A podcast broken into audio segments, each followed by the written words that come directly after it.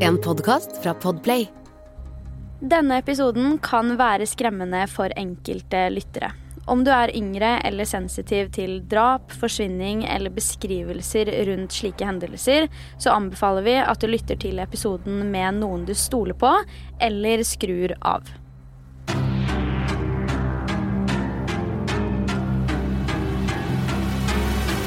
Hei og velkommen til en helt ny episode av Forsvinningsfredag podcast. I denne ukens episode skal jeg ta for meg en sak som jeg selv har vært veldig fascinert over i mange, mange år, og som også er blant de aller første forsvinningssakene jeg hørte om.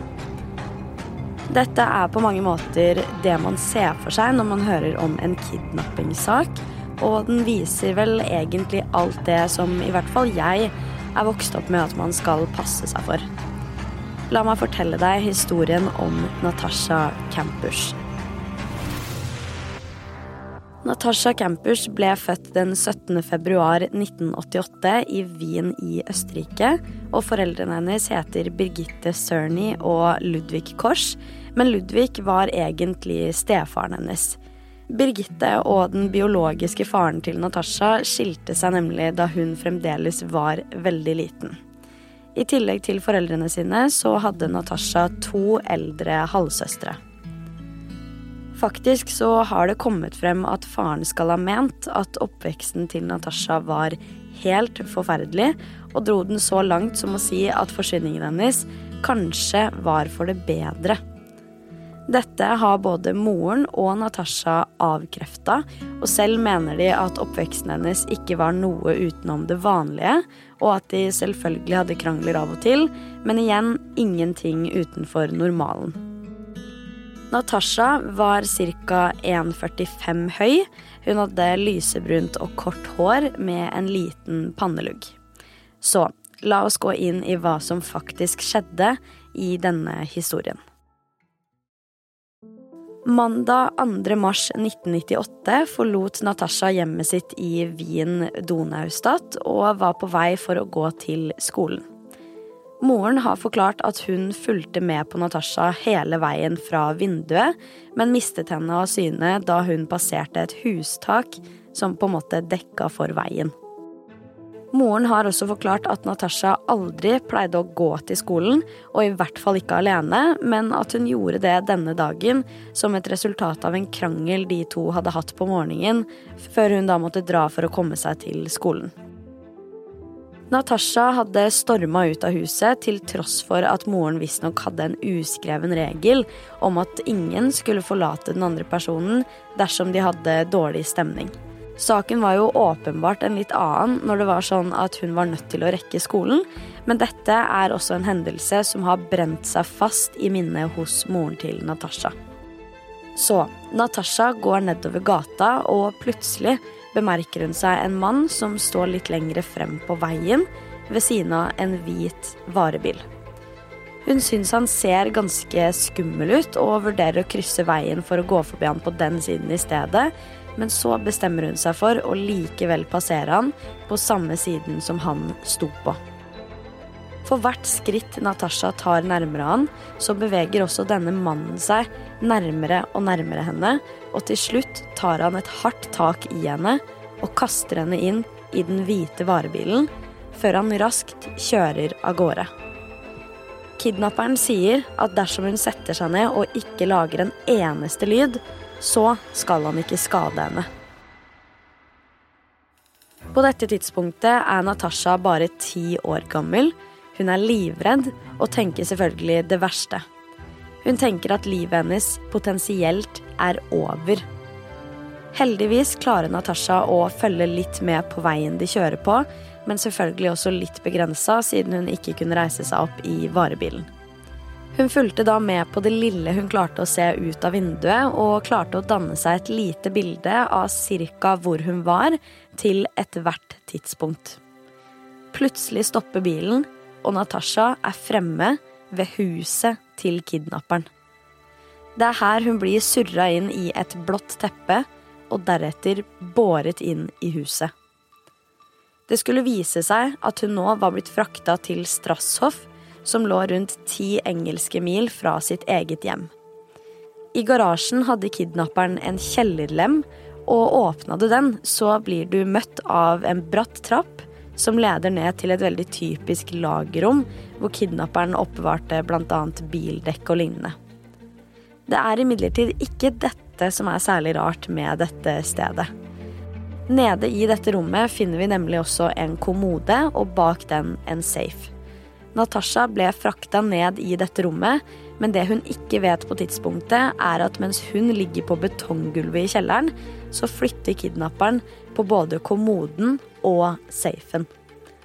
Bak disse tingene finner vi en knøttliten dør som leder inn til enda en gang. Denne gangen var så trang at du var nødt til å krabbe baklengs for å i det hele tatt komme deg innover der, og gangen den leda til det som nå blir omtalt som en celle. Natasha blir tvunget ned i denne cella og forstår ingenting av hva som foregår. Rommet hun nå blir plassert i, har så vidt ventilasjon, det har ingen vinduer eller mulighet for dagslys. På tidspunktet så er det helt mørkt, og rommet det er ikke større enn fem kvadratmeter stort. Det første som skjer nede i dette skjulte rommet, er at Natasha får slengt til seg en skumgummimadrass med en tykkelse på ca. 5 cm, og får beskjed om at det er denne hun skal sove på. I utgangspunktet hadde jo Natasha bare klærne hun hadde på seg og skolesekken sin til rådighet, men både skolesekken og skoa hennes ble raskt tatt fra henne.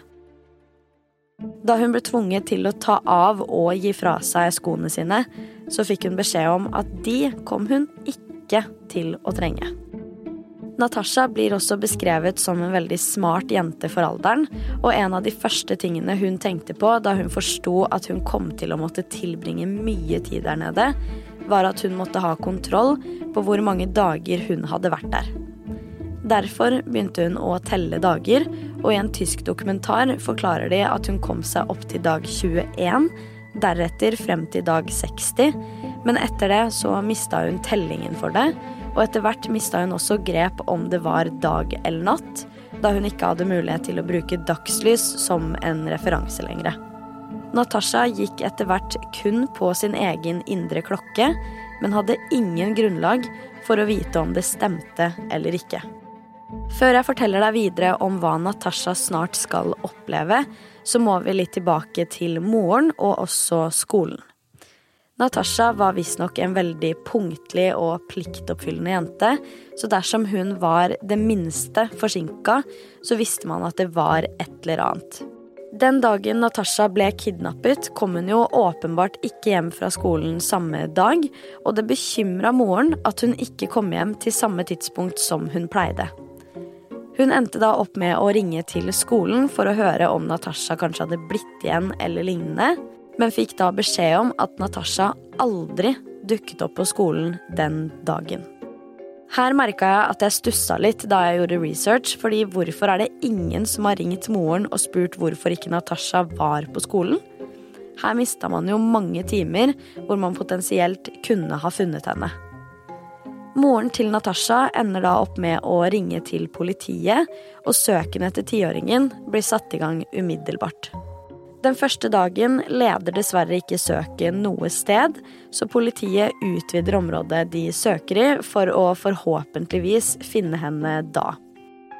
Det var faktisk også en tolv år gammel jente som hevdet å ha sett selve kidnappingen den aktuelle dagen, og til dags dato holdes hun anonym, til tross for at hennes forklaring fikk en helt sentral rolle i saken. I forklaringen til tolvåringen forteller hun at hun gikk på samme skolevei den dagen, men noen meter foran Natasha. Hun mener at hun så hele seansen av at mannen kasta Natasha inn i bilen.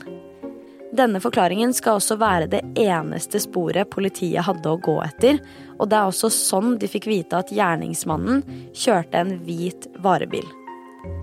Som neste etterforskningsskritt kommer politiet i kontakt med alle innenfor et visst område som sto som eier av en hvit varebil, og da snakker vi rundt 776 personer som endte opp i avhør.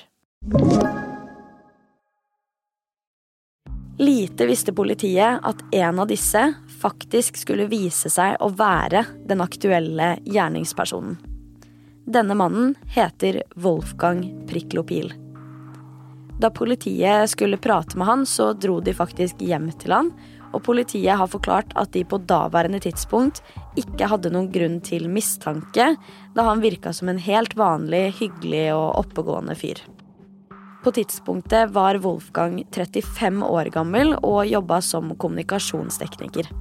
Han var ugift og hadde ingenting på rullebladet sitt. Han var ingen kjenning av politiet på noen måte, og han var absolutt ikke en typisk person å mistenke i en sak som denne. Wolfgang var enebarn, og faren hans døde da han var yngre, så derfor hadde han også et veldig nært forhold til moren sin. I avhøret med politiet blir Wolfgang spurt om alibiet sitt, og da gir han en forklaring som på mange måter kunne gitt mening. Han forklarer at han egentlig ikke hadde noe særlig alibi, og at det eneste han brukte bilen sin til den aktuelle dagen, var å frakte diverse materialer i forbindelse med at han drev med et oppussingsprosjekt. Dette ga mening for politiet da de sjekka i varebilen, og det faktisk lå en del materialer der på tidspunktet. Etter hvert begynner det å dukke opp litt mistanker fra naboene til Wolfgang. De begynner nemlig å beskrive han som en skikkelig raring, en einstøing som aldri var sosial, og han ble beskrevet som en ganske suspekt type. Politiet begynner da å gjøre litt undersøkelser for å finne ut litt mer om Wolfgang i kulissene, og da sjekka de bl.a. hvem huset hans står på. Det sto på moren hans. Natasha selv har beskrevet Wolfgang som en veldig dominant person som elsket å ha noen å herse med og ha kontroll over. Det har blitt registrert flere voldshendelser, og blant disse finner vi hendelser hvor Wolfgang har tatt kvelertak på Natasha under flere omstendigheter. I tillegg til det nekta han å se Natasha gråte, så dersom hun gjorde det, var han rask på å tørke dem vekk hardt eller ta hodet hennes under vann for å fjerne dem. I begynnelsen av Natashas fangenskap fikk hun ikke lov til å gå ut av cella si i det hele tatt, men etter hvert løsna han litt på tøylene og lot hun komme opp i huset på nattestid. Dette var kun under kontrollerte forhold, og grunnen til at dette begynte som en nattaktivitet, var fordi han måtte være sikker på at ingen kunne se henne. De gangene hun fikk lov til å være oppe, fikk hun heller ikke lov til å ta på noen ting. Den mest åpenbare grunnen var at det kunne være bevismateriale for politiet med fingermerker, men også fordi at han selv hadde støv på hjernen og nekta å ha dette i nærheten. De gangene Wolfgang ble syk også, så måtte Natasha bli tvunget til å fungere som en slave omtrent for han, da han tvang henne til å lage mat, te og alt annet for at han skulle føle seg bedre. Etter hvert merka Natasha at hun faktisk foretrakk å være nede i kjelleren, for hun visste aldri hva Wolfgang ville gjøre, hva som var det neste, og hva hun måtte bli tvunget til å gjøre.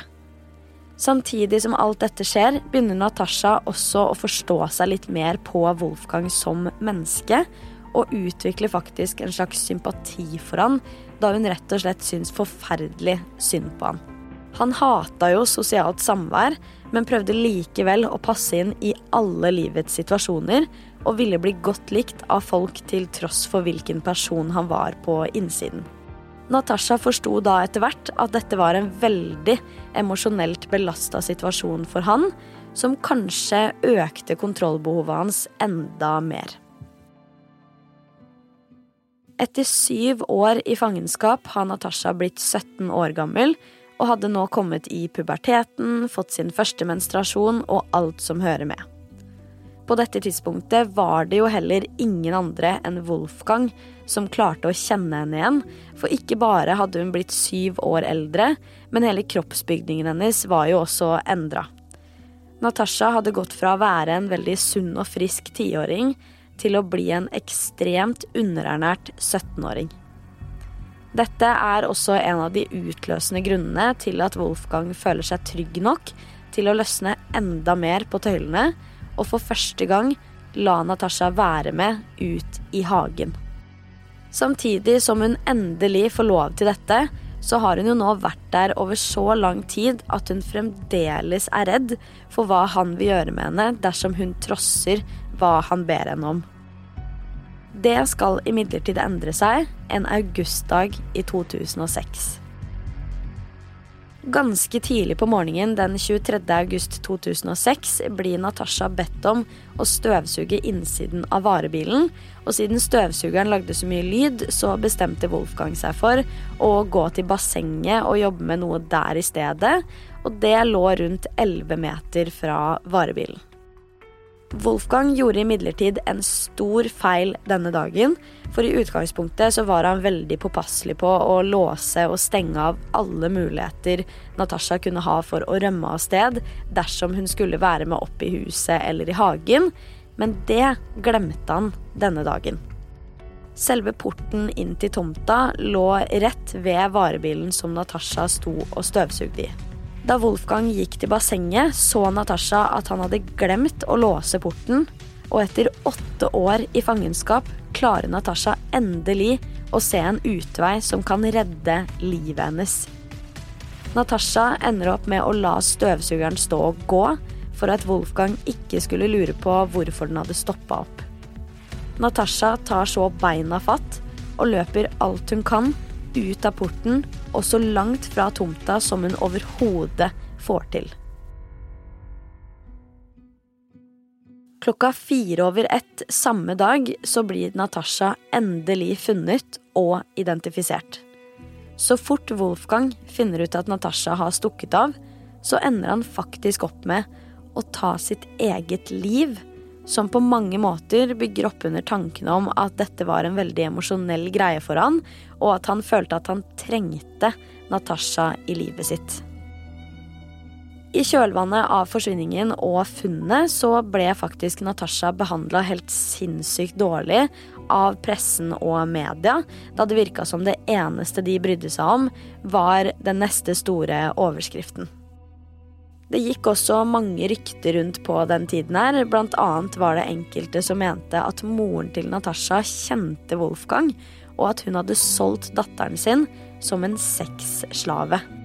Dette kunne imidlertid avkreftes umiddelbart, da overgrep aldri var et tema i denne saken.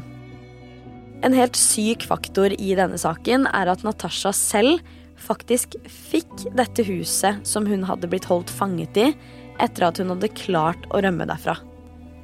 Ifølge Natasha selv så er dette faktisk sånn det er i Østerrike. At gjerningsmannen skylder offeret noe fra sin formue, og i Wolfgangs tilfelle representerte huset hans mesteparten av formuen hans, og derfor ble det sånn. Natasha valgte faktisk å beholde huset, men absolutt ikke for å bo i det selv, snarere tvert imot. Natasha ønsket å beholde det for å gjøre noe godt for samfunnet, da hun ikke kunne se for seg at noen ville kjøpt dette huset uansett. Det endte da med at hun brukte dette som en løsning for at flyktninger kunne bo der, og så er det jo rimelig å anta at det ble gjort en del greier med huset før noen andre skulle flytte inn der. Natasha Campus har i etterkant gjort veldig mye bra for både seg selv og samfunnet, og jobber faktisk i dag som manusforfatter, forfatter og også foredragsholder i enkelte tilfeller. Du har hørt Forsvinningsfredag podkast med meg, Sara Høydahl. Tusen takk for at du har lytta til episoden. Vi er tilbake med en helt ny en allerede neste fredag, og i mellomtiden, ta vare på deg selv.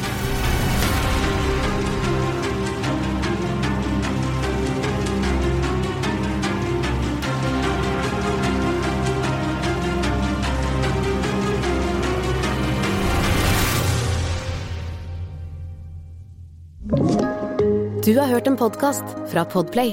En enklere måte å høre podkast på. Last ned appen Podplay eller se podplay.no.